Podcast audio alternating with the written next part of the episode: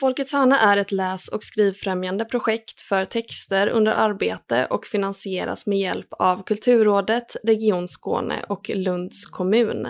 Tackar!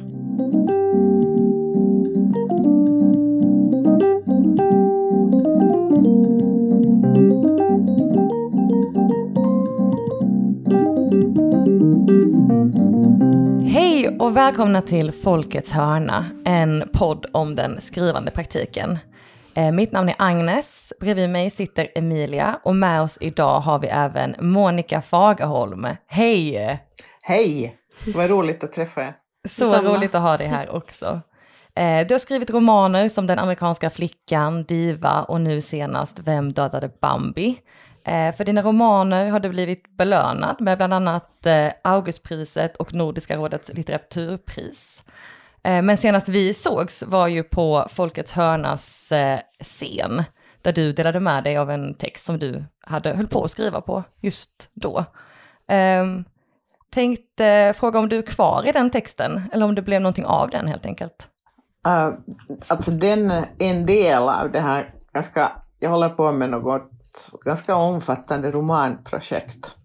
Och det är en del där. Mm. Men jag tror att det blir ett mer omfattande, alltså det är egentligen, det handlar om tid, om tid liksom från, från 70-talet kanske till nu. Och jag har insett nu att det har en jättekomplicerad struktur, att den blir liksom tredelad som går ganska kronologiskt. Och det här är då den här berättelsen som handlar om två eller de är i fokus då, som är två unga kvinnor som har ett eget, de har liksom ett eget tillhåll som de kallar för rymdimperie. Eh, som, eh, eh, ja alltså, det, det är kanske inledningen tror jag på den, den delen och det kommer då att handla om deras, vad som händer med dem i livet ganska långt fram. Det, det går inte så bra kan jag säga. Jaså? Nej, men så att ja, så att den, är, den är där, ja. Den är där. Mm. I, I någon form. Mm. När du säger att eh, det är en ganska invecklad historia, det, brukar inte du skriva invecklat? Jag brukar göra det innan jag gjorde Vem dödade Bambi, men jag har insett nu att jag, har, alltså att jag försöker göra det enklare. Mm, alltså jag tycker i princip att man måste skriva, skriva sig fram till sin form, skriva sig fram till sin byggnad. Man kan liksom inte planera den på förhand och sen sätta in någonting i den. Men jag har ändå skrivit på det här, inte vet jag om man kan kalla det projektet, men det, det är någon slags tidsresa och den handlar ganska mycket om mm, Alltså undertiteln är Kvinnor i revolt och och, och, den går då, alltså jag tänker från 70-talet, jag försöker titta lite på, på olika slags rörelser, sådana här äh, revolutionära och, och, och, och, den typens rörelser i tid och de formar vårt tänkande. Men ja, så det var där jag började, så började jag i, en, i ett otroligt kaos av berättelser. Men, eh, och jag har skrivit på, skrivit på lite från, från alla delar. Men jag insåg nu i höstas, och det, det är liksom någonting som jag tar med mig från, från den här Vem dödade Bambi-processen, som, som egentligen handlar om att jag hade 500 sidor några månader innan eh, manuset, liksom boken, alltså manuset skulle vara klart. Mm. Och, och så tog jag bort på min förläggares inrådan 300 sidor. Det, det har jag aldrig gjort. Ja, ja det, det, har jag aldrig gjort tidigare. Men men jag, såg, jag insåg liksom fördelen med det, för att jag älskar komplicerade strukturer. Liksom, det är inte för att de är komplicerade, utan för att de väldigt, väldigt starkt befäster en värld. Liksom. Och världen är ett påstående i sig, men sen i något skede blir det, blir det så att ens eget huvud sprängs. Och, och, och, och, sen så är det ju saker man, man vill ha tydligt. Så, så att för mig var det, var nästan, det var första gången i mitt liv som jag tog bort så här mycket från någonting som jag insåg att det här, man kan ha en roman som är 200 sidor. För jag trodde att jag alltid tänkte att det skulle vara 600 sidor eller 500 sidor. Men nu har jag då ett ganska stort material och jag har helt kallt nu beslutat att jag delar upp det i tre delar. Att det blir tre böcker då helt enkelt? Eh, ja, det blir tre böcker som man... Eh, men jag vet inte riktigt, det är möjligt att de alla blir bli skrivna samtidigt i alla fall på något sätt. Men, eh, men att vi har faktiskt att de går i tid. Mm. Så att vi börjar ganska, ganska rått kronologiskt. Och, och, och det öppnar mitt eget tänkande nog hemskt mycket. Så att, men nu håller jag på att sortera det här. Mm. Så, men vi ska fortsätta, ska vi se om det någon gång blir färdigt. Ja. Det låter ju väldigt, eh, på något sätt ganska kaosartat skrivande. Ja, men jag tycker att, att själva skrivande får vara hur kaosartat som helst. Som sagt så, men, men det handlar ju om att man själv ska hitta den där energin och rörelsen som för framåt det från dag Mm. till dag.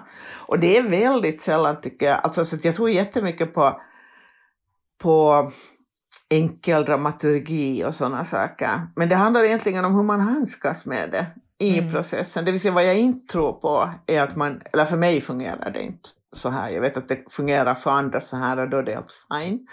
För att, men, men för mig fungerar det inte något vidare för jag tycker att själva det här skrivande, liksom det första skrivande, vad man kan kalla råmanuskrivande, är ett väldigt, det är då allt händer helt enkelt. Mm. Det är då man upptäcker världen, det är då man fattar vad man egentligen håller på med. Så att ganska mycket det här att man måste tillåta sig att fara på villospår och, och hit och dit helt enkelt. Mm.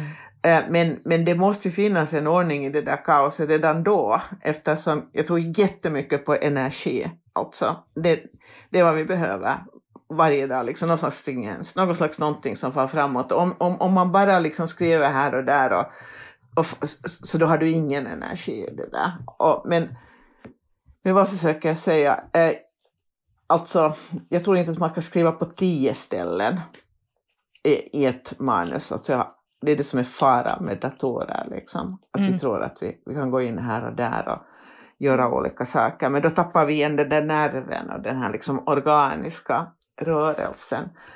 Så att, så att vad jag försöker säga väl på något sätt är det att, jag, att i det här kaotiska så är det ganska enkelt egentligen. För jag gör liksom helhet för helhet för helhet. Mm. Och, och jag eh, tidsbestämmer mina rå, råa processer, alltså råbarnsprocesser. Just för att det, alltså man kan tänka så här att vi kan säga tre veckor, en månad.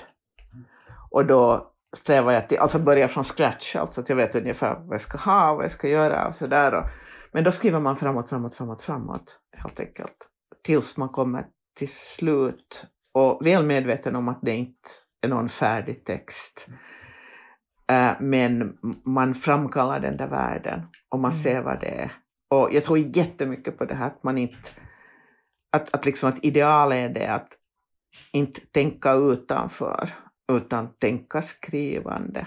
Tänk, liksom, ha ett sånt skrivande som gör att du, ja, du tänker skrivande helt enkelt. Mm. Vad innebär det? Det, det innebär det att du inte planerar så mycket. Eh, Mm. Det vill säga att du sitter inte och planerar, nå jag har några idéer ibland. Alltså det växer ju fram när man börjar någonstans så du har några utgångsscener och så vet du ungefär liksom what's it all about, vad det ungefär ska vara. Men så, du ska absolut inte veta för mycket.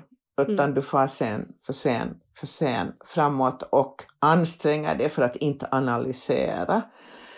Eh, inte tänka så mycket på att, liksom absolut inte tänka text, litteratur, utan, utan det där skrivande, ja, det är ett sätt att tänka helt enkelt. Men, men fördelen med det här sättet är, är det att det som, det som inte är skrivet finns inte.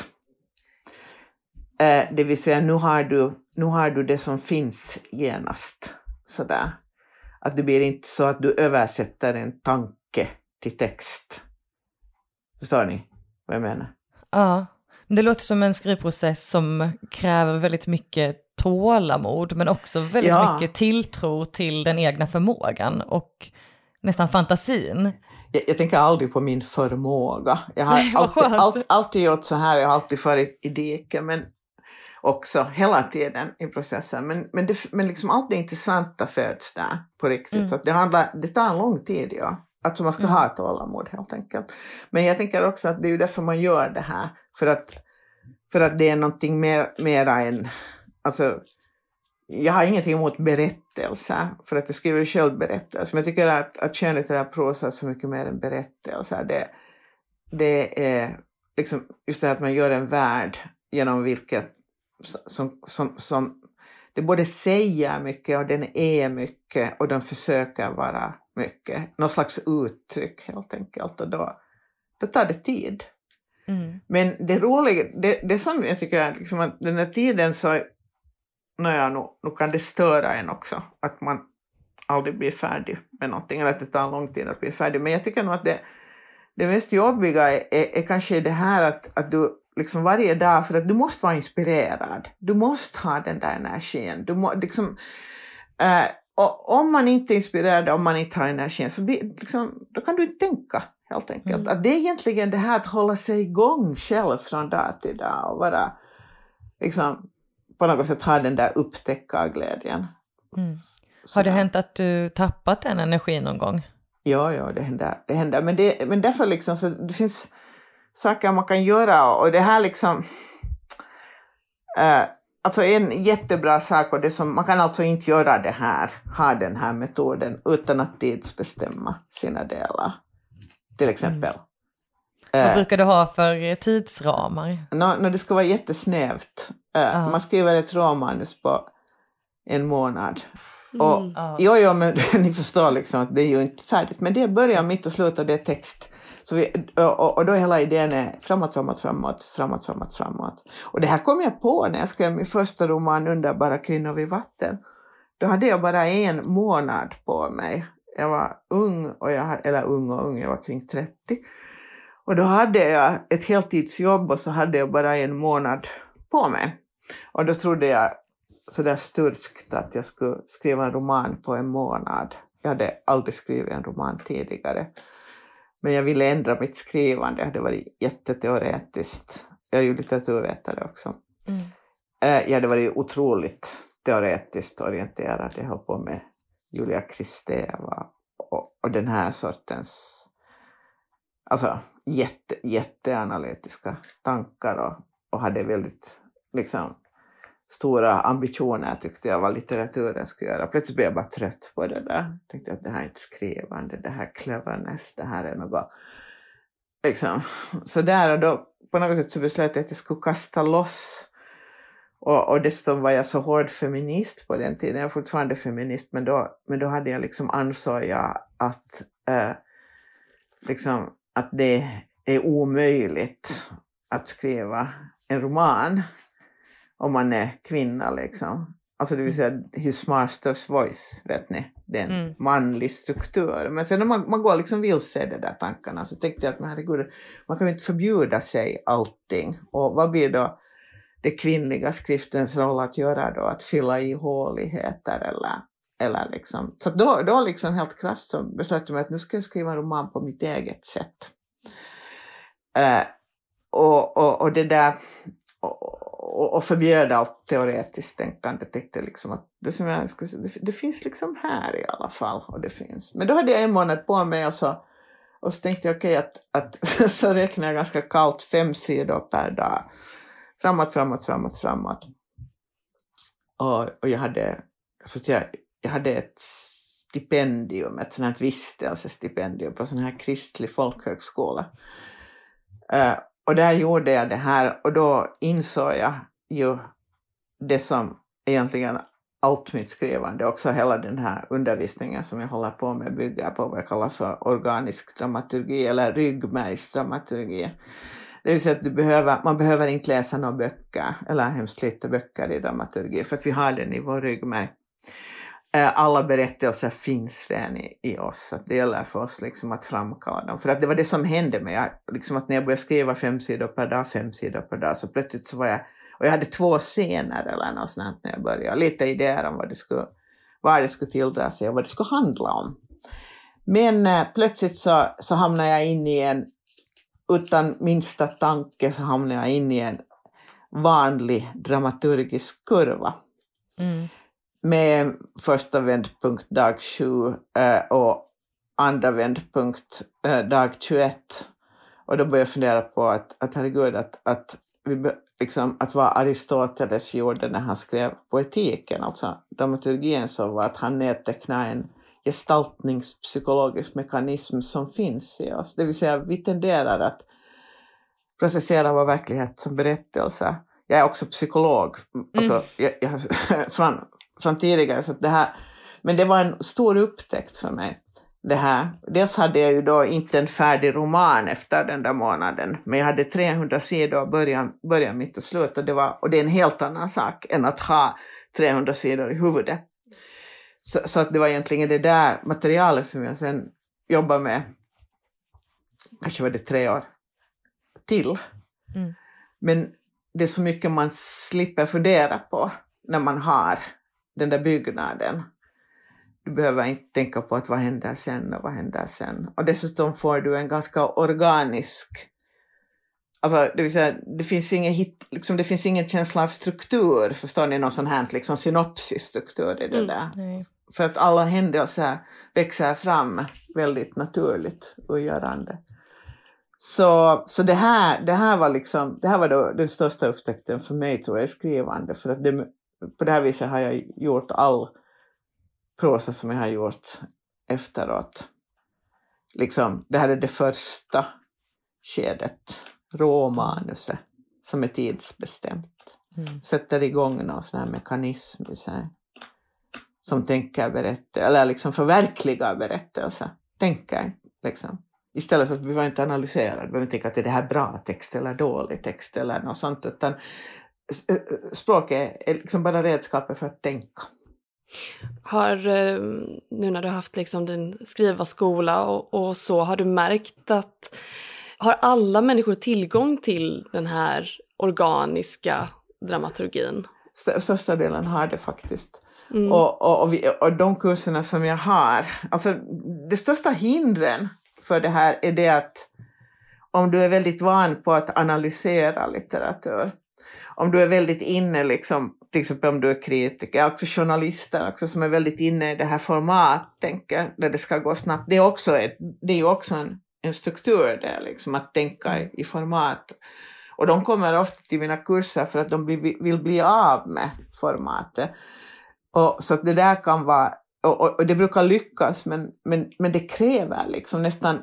Det som jag tycker är roligt med den här metoden, och det är därför som folk, tror jag, Alltså jag har ju de här kurserna som jag har så gör vi råmanus helt enkelt på ett år och det brukar alltid bli råmanus för, för alla.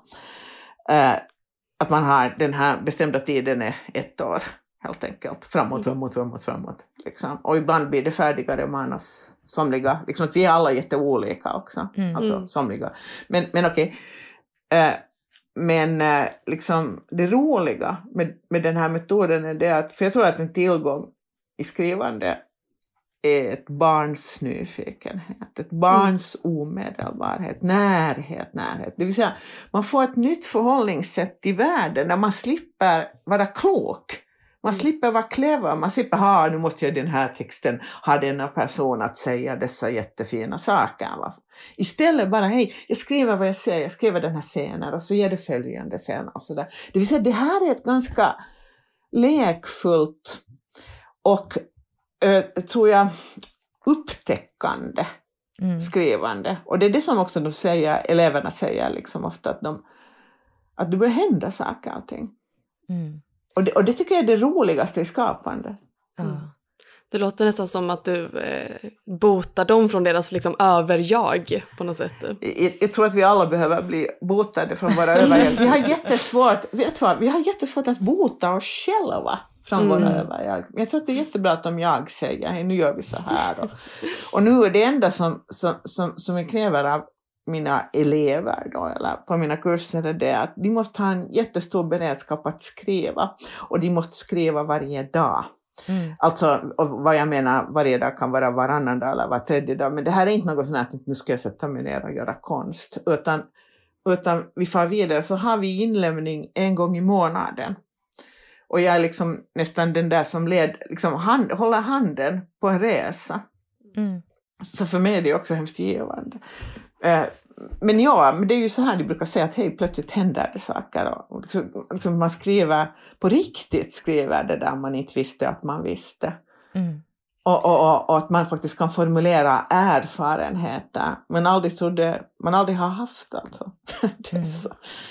Jag tycker det är spännande det här du eh, säger om att hitta vad ska man säga, det lekfulla och barnet i skrivandet. Just med tanke på också att det känns som att många av dina böcker handlar om karaktärer som är barn eller en yngre ålder också. Ja, Eh, Jag tror att det hänger ihop också, att det är kanske lättare att skriva om, och hitta barnet om man också har en karaktär som är närmare en barnålder. Nej, alltså jag tänkte inte så. Jag tror att jag bara tänkte så med underbara kvinnor vid vatten för att det var jätteviktigt för mig då att komma till ett sådant konkret seende som inte var tyngt av, av vadå, uppfattningar och sådana grejer. Och, och då var, det måste vara liksom en, en, en människa som bara liksom, det är, det är mera än registrera, men som tar in och återger det som finns, finns omkring en. Alltså. Mm. Alltså, och jättekonkret, jättesinnligt, jättefysiskt. Eh, så, så det där, och då, och då blev det, först var det en flicka i den här boken som hette René, hon hette René, men jag märkte att hon hade ett så snett perspektiv, alltså hon, hon var så skev, alltså hon, hon är den som går under i den här berättelsen, men hon hade en, en vän som heter Thomas och han är sådär åtta, nio år gammal. Och då märkte jag att det, det är det här seende som jag behöver i den här boken. Liksom. Också för att, för att man ska se René liksom. Så här. Mm. Få ett... Så, så att nej, men inte tänker jag sen, jag, jag tycker väl att vi alla människor har det där i oss helt enkelt. Att det handlar ju om att framkalla den där. Alltså jag tror, jag tror att det som, det som liksom tycker jag stör ofta tycker jag alltså folk som vill skriva, de har så mycket tankar om litteratur som text. Det vill säga att, att man ska liksom på något sätt göra text genast. Jag brukar säga till mina elever, tänk inte text, tänk värld. Tänk värld. Mm. Och, och, och det, det vill säga att man börjar göra text för tidigt. Eh, en sak, jag har också gått på skriva, skriva skola, jag gick på Biskopsarna 86 och där gjorde jag min första första bok och det var jättebra men att eh, men jag har också undervisat på andra skrivskolor och då tycker jag att ett vanligt fel är att man börjar stryka för tidigt. Mm. Det vill säga att man stry, liksom, du, har, du har kommit på någonting och sen så för du det till din mangelgrupp eller liksom sitter flera ambitiösa människor och, och tittar vad ni ska ta bort för kommatecken. Vad ni ska, liksom, det där är jättefarligt för att det där är ingenting ännu. Dina fem sidor är ingenting ännu. Det är bara liksom ett frö. Och man måste på något sätt låta det där fröet växa. Och, och, och, och låta det vara en möjlighet så länge som möjligt. Så alltså det här stal jag också, eller jag fick ord på det efter att jag såg en, jag såg en masterclass med Margaret Atwood. Mm. Uh, och hon hon, hon, hon satt i den här i en fåtölj och så hade hon en sån här stor skrivbok, anteckningsbok i sitt knä och en penna som hon skrev liksom för hand. Och hon sa att så här håller hon på när hon börjar med någonting. Hon skriver och skriver utan att egentligen ha någon aning om vad det är hon skriver och vart det är på väg. Eh, men att hon gör det regelbundet tills hon har vad hon kallar för ett material. Och det är ungefär 40 sidor. Va? Och, och först då kan hon börja säga någonting om vad det är hon gör egentligen, vad det här ska vara. Och, och det här tycker jag är härligt alltså. För, för att det är just det här liksom att, att man att man, man genast liksom är på den här nivån av läsning, skrivande och inte tänka oh, det här är en bok om kampen mellan det onda och det goda. Liksom. Nu ska jag hitta den personen som symboliserar det och det. Jag tycker att sådana här böcker finns det en uppsjö av och, och de känns alltid lika konst, konstiga eller konstlade, tycker jag. Nej, men jag tänker så när du sitter där sen, man har sin, sitt råmanus och, och du har skrivit och det har varit liksom energi och framåt, framåt, framåt. Och hur, hur förvaltar man det sen? Hur gör man det till romanen? Alltså det, paketet. Det där är, jag, jag, jag, har, jag har funderat, alltså eftersom jag undervisar så har jag, har jag liksom helt enkelt då liksom också försökt formulera liksom någon slags tankar kring det där. Alltså det som mm. följer sen heter ju bearbetning i olika stadier. Uh, allra först måste man säga, och det gäller faktiskt råmanuset också, att, att det finns ingen, alltså jag har inte sett en enda författare, en enda skribent som jobbar på samma sätt som en annan. Det vill säga skrivande och sättet att skapa ett personlighetsdrag. Så, att, så att man, jag tror att vad jag kan göra eller vad man kan göra när man pratar om det här, att man kan på något sätt ge riktlinjer. Eh, en riktlinje som jag tycker att det är viktig, att man på något sätt håller fast i det här tänkandet, att om, om man håller fast i tänkandet att tänk inte text, tänk värld, framkalla världen, eh, världen blir småningom text. Så, så då tänker jag själv så att jag har eh, efter det här då, romanuskedet, så följer jag två bearbetningsfaser. Alltså det betyder att man kan, en fas kan innebära fast hundra omskrivningar, för jag tänker aldrig liksom antal tecken eller sidor eller någonting. Man håller på tills det, tills det är färdigt eller tills det känns att där är det. Och det är, fast det, fast det, det här är ju någonting som gör att man har svårt att hålla deadlines, men jag tycker mm. inte att heller att nej men skrivande handlar inte om deadlines, det handlar om att lära sig se, att försöka liksom, alltså vara skapande och, och det är inte, man är inte skapande för ett förlag, för, fast jag förstår att man kan, alltså för mig är det ju också så, inte, inte inte lever jag ju på mitt skrivande. För att, för att inte tjänar jag så mycket pengar på det och jag borde ge ut böcker varje år för att men det är ett val man gör. Jag tycker inte att det är något mm. man gnäller över. Jag tycker allt sorts skrivande är intressant och folk jobbar på olika sätt. Men jag gör nu så här för att jag vill göra vissa grejer. Men okej okay då, vi säger två, två faser. Och den första fasen är någonting som jag kallar för kreativ bearbetning. Och jag säger färdigt vad den, nej men vi säger då den, eh, eh, den andra fasen. Alltså fas tre, själva den här skapande processen. Om man tänker att råmanus är ett och så har vi kreativ bearbetning och så har vi det sista som heter göra färdigt. Mm. det, den stora. den, den ja, och då kan man tänka sig att om man tänker att det går liksom från det här ganska in, jätteintuitiva, barnet som leker, barnet som ser och som liksom framkallar en värld med massor med möjligheter som ändå har början, mitt och slut. Va? Det vill säga, det är inte en heffaklump, utan, utan det är en amöba, utan det är faktiskt någonting som har början, mitt och slut. Det är det viktiga med Romanus. Eh, eh, så, så det där så, som ett intuitivt kaos sker det så jättemycket på kaosenergi så går vi då liksom från detta till det väldigt stramt äh, rationella mm. som, är, som är helt enkelt skede tre, fas tre, göra färdigt. Men det där andra bearbetningen som jag tycker är intressantast och den är också jobbigast därför för att det är då man tappar allt hopp. Mm. för att det är då, det är då allt faller sönder. Man tänker, alltså det vill säga, det är när man, eh, jag brukar säga att, eller för mig är det så att när man skrivande undersöker vad man har gjort. Mm.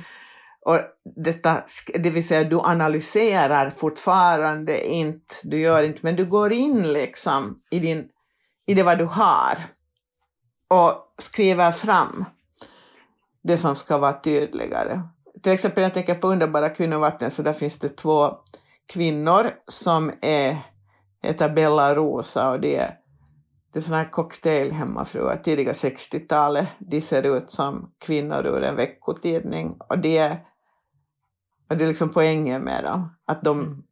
verkar utbytbara när jag, och ändå är hela poängen med romanen är skillnaden mellan dem. För jag ville skriva fram den här typens kvinna som jag tyckte att hade blivit så dåligt behandlad i litteraturen. Alltså kvinnor vi kallar för ytliga. Men okej, okay. Eh, då när jag hade skrivit mitt första rå, mitt råmanus så visste jag inte själv heller skillnaden på dem. Eh, Bella och Rosa.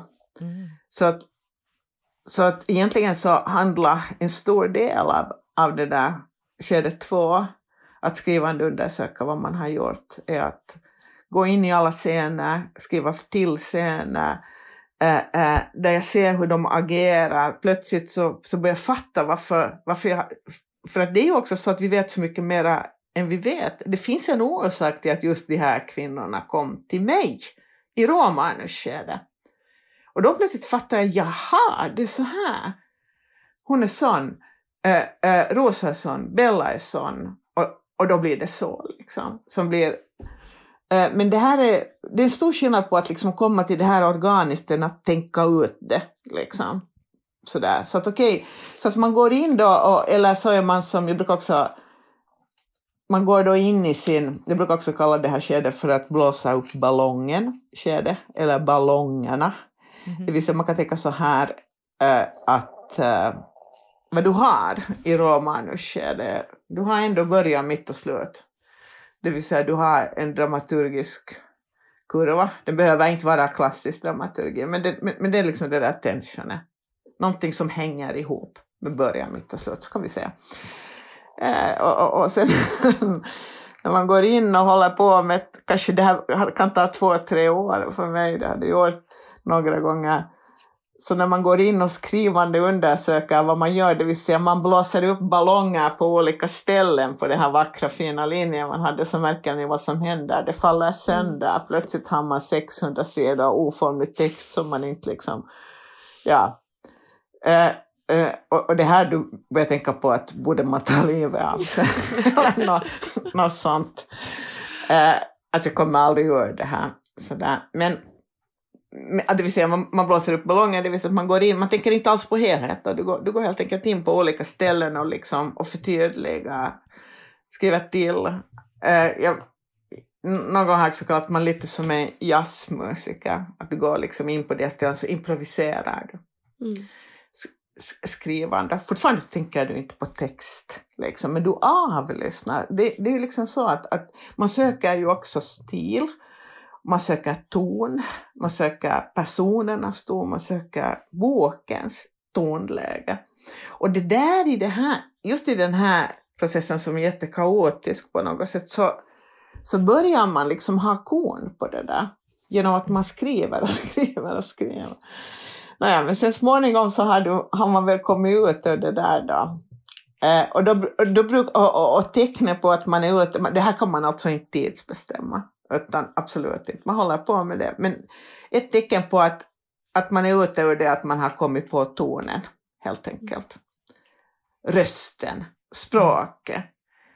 Eh, och då så kan man då, om man lever ännu, med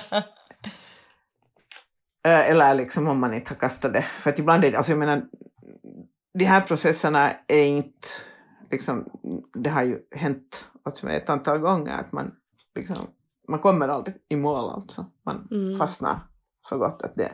Men om man kommer, då brukar man känna sig jättenöjd faktiskt. Eh, så att då är det ganska roligt att gå över till det där skedet tre, som, som är extremt rationellt då gör du allt så tydligt som möjligt. Då är det språk, då är det stil, då är det liksom, du måste tänka sådär att du ska kunna stå bakom varendaste en mening. Mm. Uh, men det är kul, det är kul. Det är liksom en sån här, och ju mera, det är det som, som jag tycker att jag har fått, liksom verkligen haft nytta av det som jag har lärt mig på skrivarskolor och sådär. Mm. Att hur skönt det är mm. att framkalla någonting. Ni vet, det här när man liksom är någonting som man har sett det här är ett frö här, men om, om jag nu går och riktigt tittar noggrant på den där scenen och tittar vad det är som rör sig här, vad finns det här? Och jag riktigt skriver det. Uh, och så plötsligt så finns det där och plötsligt så känner man sig klokare och fiffigare och, och boken liksom blir till mm. på riktigt. Som, naja, så det där är roligt. Sen, mm. sen är det färdigt. Kanske. Det är klart. Och nu har du då det är klart! En... och nu har du då en till, eh, en fjärde del, eller kanske om den är i den tredje delen, som är att du ska ta bort eh, 60 procent av alla sidor. Nej, men det var, det var jag gjorde med Bambi var det att den var helt enkelt två berättelser. Mm. Uh, uh, det vill säga, så jag tog bort helt kallt den andra berättelsen. Som en slags, inte en skalberättelse, men som som på något sätt satt in Bambi-berättelsen i en större tidskontext. Och, och det var den jag inte riktigt fick till, helt mm. enkelt. Och, Men det var jätteskönt att ta bort den. Fast jag var arg liksom, på min förläggare. Mm. Det var ju han som sa, tappade mm. sa, nu tar vi bort 300 sidor. Så sa nej det gör vi inte alls. Sa jag. Så sa han, jo det gör vi. Och, men han brukar vara jätte, alltså jag har fullständig Liksom jag, jag, tycker att, att när man kommit så långt att man börjar visa texten för till exempel förläggare eller någon, så då ska man lyssna. Det mm. lönar sig inte att tjafsa så mycket. Liksom. Och jag har jobbat med Tapani hela mitt liv. Mm. Och vi är också goda vänner från tidigare, så att jag, har, liksom, jag litar på vad han säger. Och så sa han bara testa, och så testade jag och så insåg att han har rätt. Mm. För att sen var det ju wow. jätteroligt att, för, att, att göra det helt färdigt igen. Framhålla mm. det fram, att ja, det här, det här och inte det här. liksom. Men när du är inne i de här andra och tredje skedet, är det fortfarande att, man, att du skriver varje dag och jobbar med det varje ja, det, dag? Det, det gör jag nog, ja. ja. Ah. Men, jag, men, som sagt, jag, jag, tänker, jag, jag har jättesvårt när folk liksom pratar, alltså för egen del har jag svårt med det när folk pratar om hur många bearbetningar de gör. Mm. Och man, alltså jag skriver säkert hundra sidor igenom varje sida, men det är inget självändamål. Det är just det här att man liksom tänker skrivande.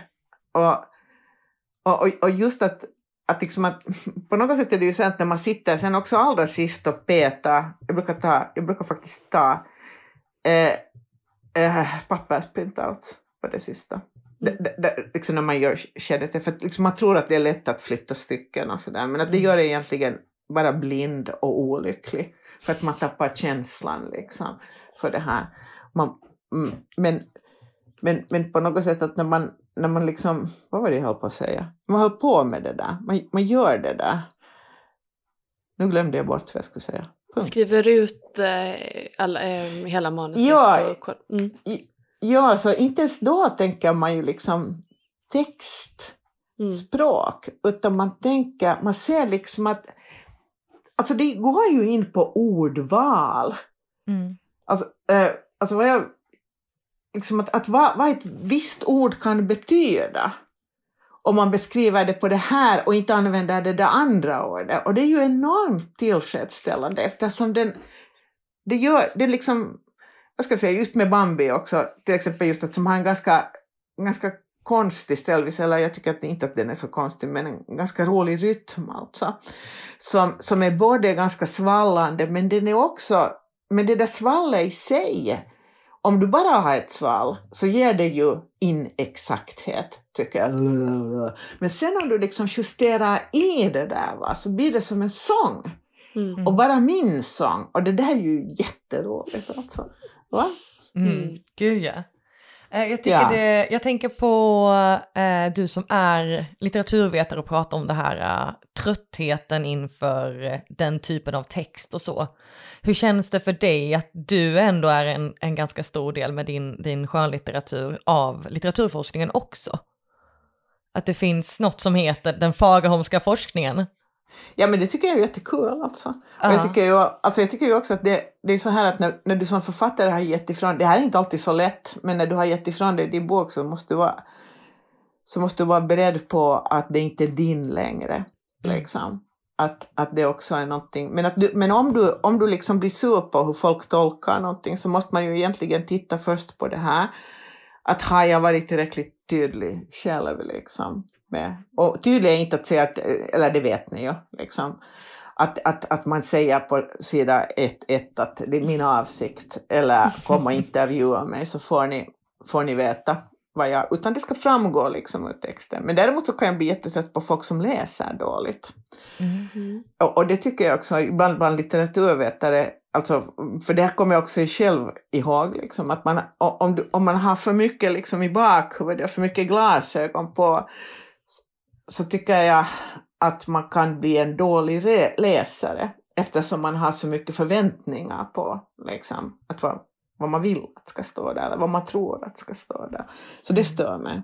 Att där är alltså mitt ideal den här amerikanska författaren John Updike som ju inte läses idag längre. Men, men den, ex, alltså jag menar, eh, den exakthet han har, den är nästan besatthet.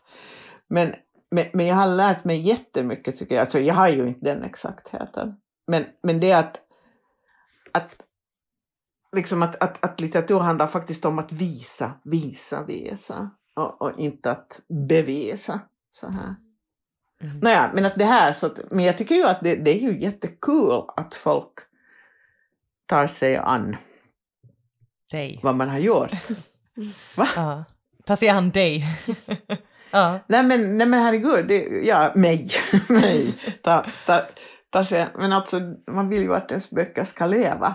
Och, mm. och det är ju ett sätt att, att liksom... Men sen är det ju också det att jag kan ju ibland bli, inte, inte tänka mig på allt själv. Att man kan ju mm. bli jättetagen av att någon tolkar på ett bestämt sätt och samtidigt ha belägg för det liksom, mm. i texten. Det är kul. Cool. Ibland är det kul, alltid är det inte kul. Mm. Har den, eh, de läsningarna och den här just eh, eh, den sortens uppmärksamhet, har det gjort något med ditt eget skrivande? Nej. Nej, Nej. du är helt Och det här gjorde jag klart ganska... Mm. Ja, ja, ja. Nej men alltså på riktigt, därför för att jag är ju, alltså, jag är ju inte mera litteraturvetare, men att det var en orsak till att jag Alltså, alltså jag, jag, tycker att, jag tycker att det är jätteviktigt och jag är fortfarande intresserad av litteraturvetenskap. Jag har ju men, men jag var ju maniskt besatt av litteratur. Jag har varit på Derridas föreläsningar i Paris på 80-talet. Det är någonting man kan skryta med idag. Definitivt. Ja, men, men och jag tycker att det här tänkandet är fullständigt jättevärdefullt. Men, men, eh, så, att, så att det här går jag igång på fortfarande, men jag har liksom insett att det är en annan fakultet än det där skrivande. Liksom. Att inte har det något värde vad jag har läst för, för, för tankar eller filosofi eller något sånt om jag inte kan omsätta det. Mm. Och, och fortfarande, böcker ska kunna läsas av alla. Liksom, sådär. Så, så att det här tänker jag liksom att den att det där sättet, för att det var egentligen det som var orsaken till att jag klappade ihop, liksom. jag hade skrivit två böcker och det var innan jag började göra underbara kvinnor vid vatten som var väldigt experimentella, som var väldigt ambitiösa på det där tankemässiga sättet. Men jag, liksom, jag tänkte att det här tänker jag inte hålla på med hela mitt liv. Liksom, för håller jag på att illustrera tankar. Va? Och sen hade jag ju också att jag var så stark, jag älskar Julia Kristevas tankar och det har ju, som, som vi vet, liksom, men jag var ju religiös har jag insett. Alltså jag, och, och, och, då inser jag också att, att hur, hur ett sånt här teoretiskt tankesystem, att när du går in i det här så finns det, det blir en världsförklaring. Liksom.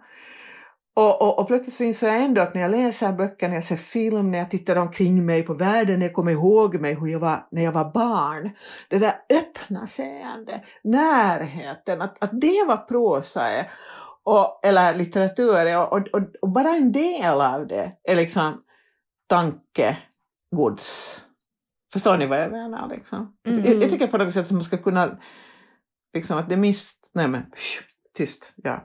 Men liksom, samtidigt som jag älskar komplikation så, så, så hatar jag det. Liksom. Sådär. Det finns en amerikansk författare som jag läste jättemycket på den där tiden, alltså Edmund White då, som, ni, som också har skrivit, han har också han skrivit en bok om jättebra biografi av Jean Genet. Han är en otrolig stilist, men han, han skrev en bok som heter A Boys Own Story Eh, som kom på 50-talet. Han är bög då och det, var, det liksom, handlade om det och hans barndom. Men, men det var någonting som, det var liksom någonting som fastnade för uh, Still inside himself the memory of the birthday boy so whole that he could forget himself. Mm. Eh, det här är jättevackert, alltså fortfarande inom honom, eh, eh, det här minnet av den här födelse, födelsedagspojken eller barnen, ni vet det här, så hel att han kunde glömma bort sig själv. Och nu ska vi liksom förstå genast att han hade en jätterisig barndom. Att, men, men det var den figuren mm. som, som jag tror att vi alla har i oss någonstans. Och, och, och jag tror att det här är en jättebra figur att ha när man skriver. Mm den där so whole that he could forget himself. Men kan till och med eh, bara det här att glömma bort sig själv, liksom. bli intresserad av världen, gå in i den, se och skriva mm. det där seendet. Mm. mm. Både när man läser och skriver kanske? Så, så är det. Så är det. Och, mm. och, och där tycker jag liksom också att, att, tycka att läsande är så precis skrivande. Liksom. Mm. Att skriva som man läser. Sådär. Mm. Du har ju en, en stil, får man ju verkligen säga, som man kan kalla den, eller som folk kallar den Fagerholmska stilen. Ja. Har du alltid haft den? Nej men den är ju jätteolika i alla böcker. Mm. Uh, om man jämför Underbara kvinnor vid vatten som är ett, uh, helt annorlunda än vad amerikanska flickan är. Diva, extremt annorlunda än allt annat. Hon hittar ju på sitt eget språk, sin mm. egen syntax. Och, uh, vad ska jag säga, uh, den är ju halvgalen på ett roligt sätt. Mm. Den är, uh, och sen har vi Bambi som är helt egen. Så jag ser ju inte att det finns något som heter min stil, för att jag vill, jag vill liksom göra ett språk som passar precis just den berättelse som jag, eller sak som jag håller på att göra, den värld. Och, och, och, så att hur, hur språket blir så en, så är en del av den här framkallningsprocessen. Jag har nog eh, eh och, och, och, och, så, så det är jätte, jag tänker jättelite stil, jag tänker aldrig stil. Men jag tänker närhet. Jag tänker liksom... Oh, ja, närhet. Mm. William Faulkner är en av mina idoler. Framförallt liksom också hans mångsidighet. Han, är, han har alltid liksom en, om man tänker på hur han har skrivit eh, komplicerade böcker och han har också skrivit otroligt eh, lätta böcker, alltså enkla, raka, rakt berättade böcker. Han har skrivit filmmanus, han har, men han har ändå alltid, tycker jag, någonting samma, någonting lika. Och det är det, den där strävan till närhet, närhet mm. i språk. Mm. Men det tycker jag att man har i dina romaner ändå. Kanske är just den strävan efter närhet i så fall. Men det finns ja. ju någonting när jag plockar upp en av dina böcker att jag kan se att det här är ju du som har skrivit det.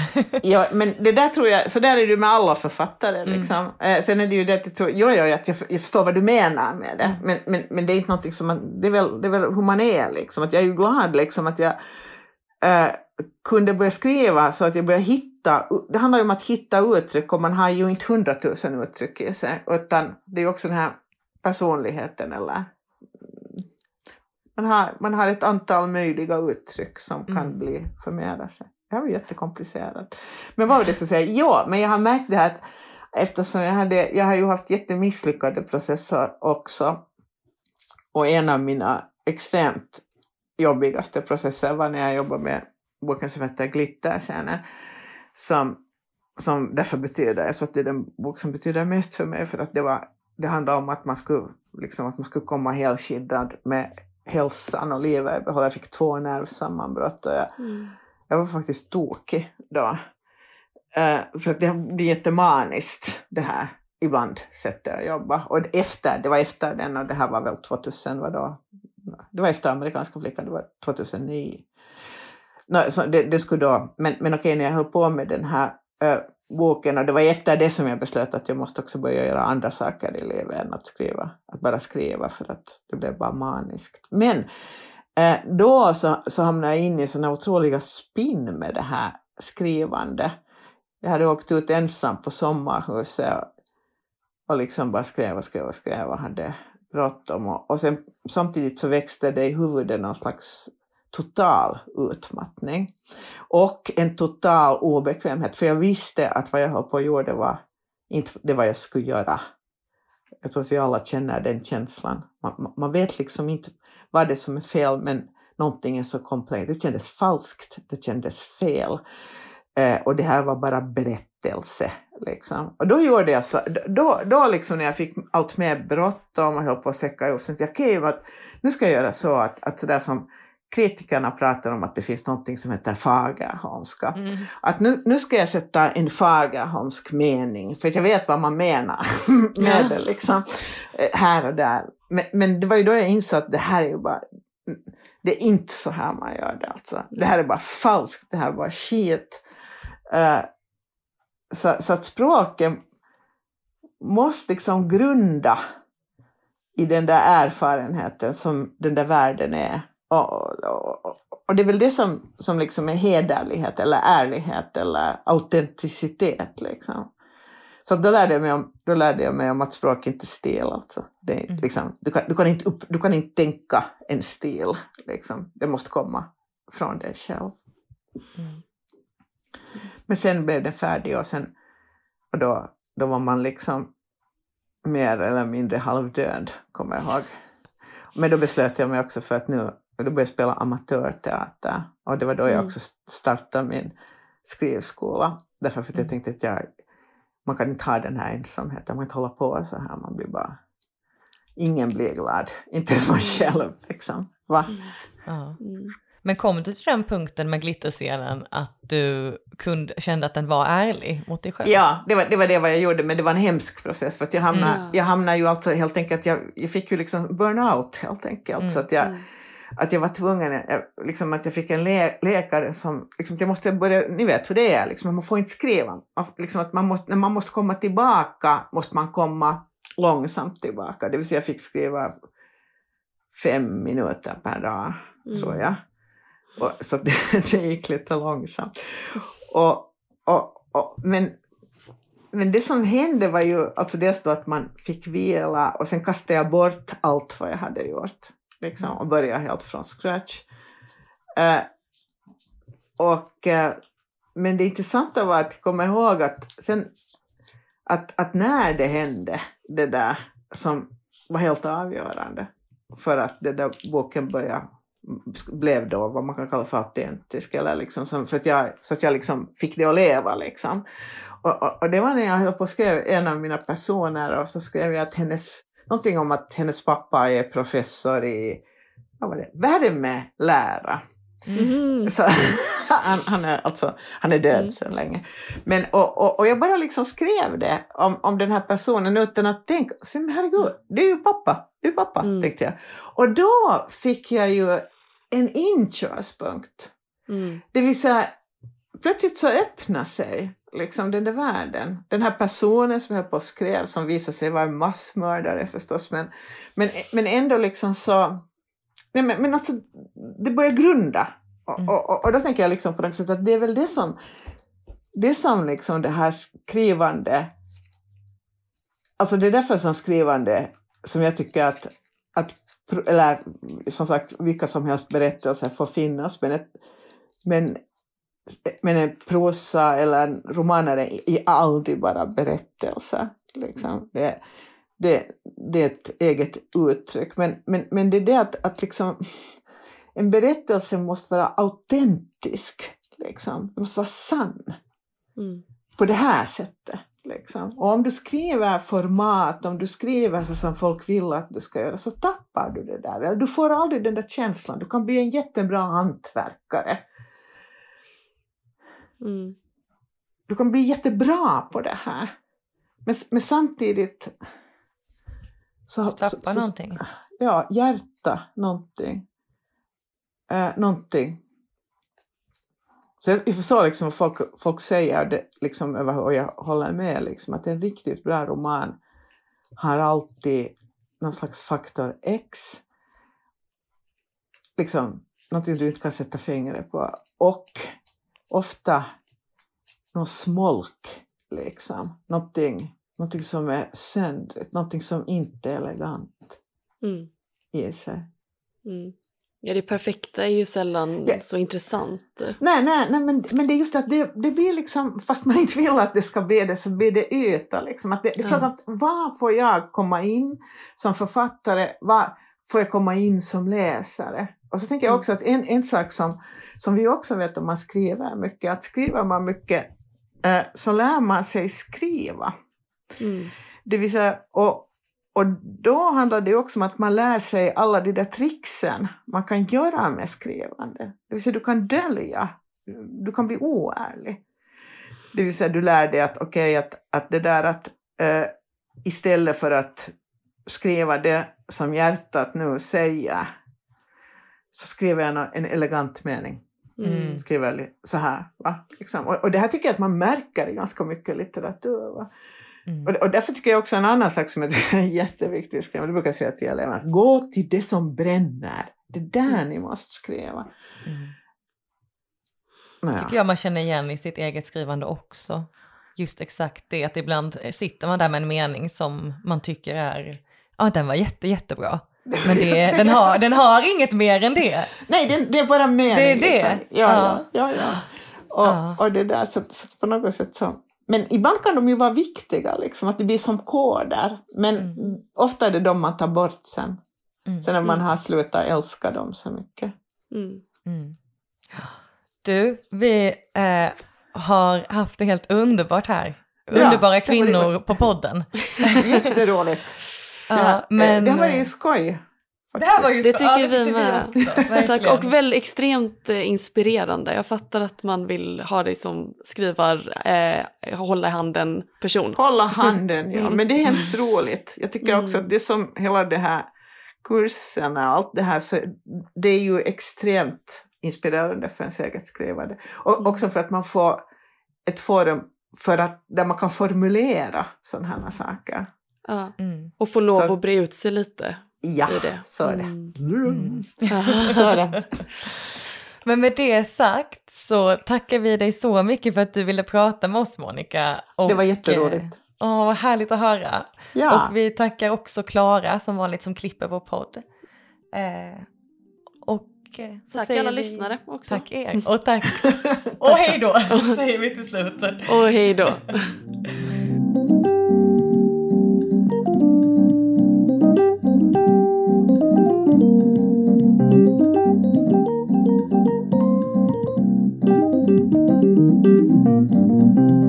Gud vad kul att ni lyssnat på Folkets hörna. Har ni några frågor eller vill komma i kontakt med oss så kan ni mejla på hej och följ oss gärna på sociala medier, eh, Facebook och Instagram. Där heter vi Folkets hörna.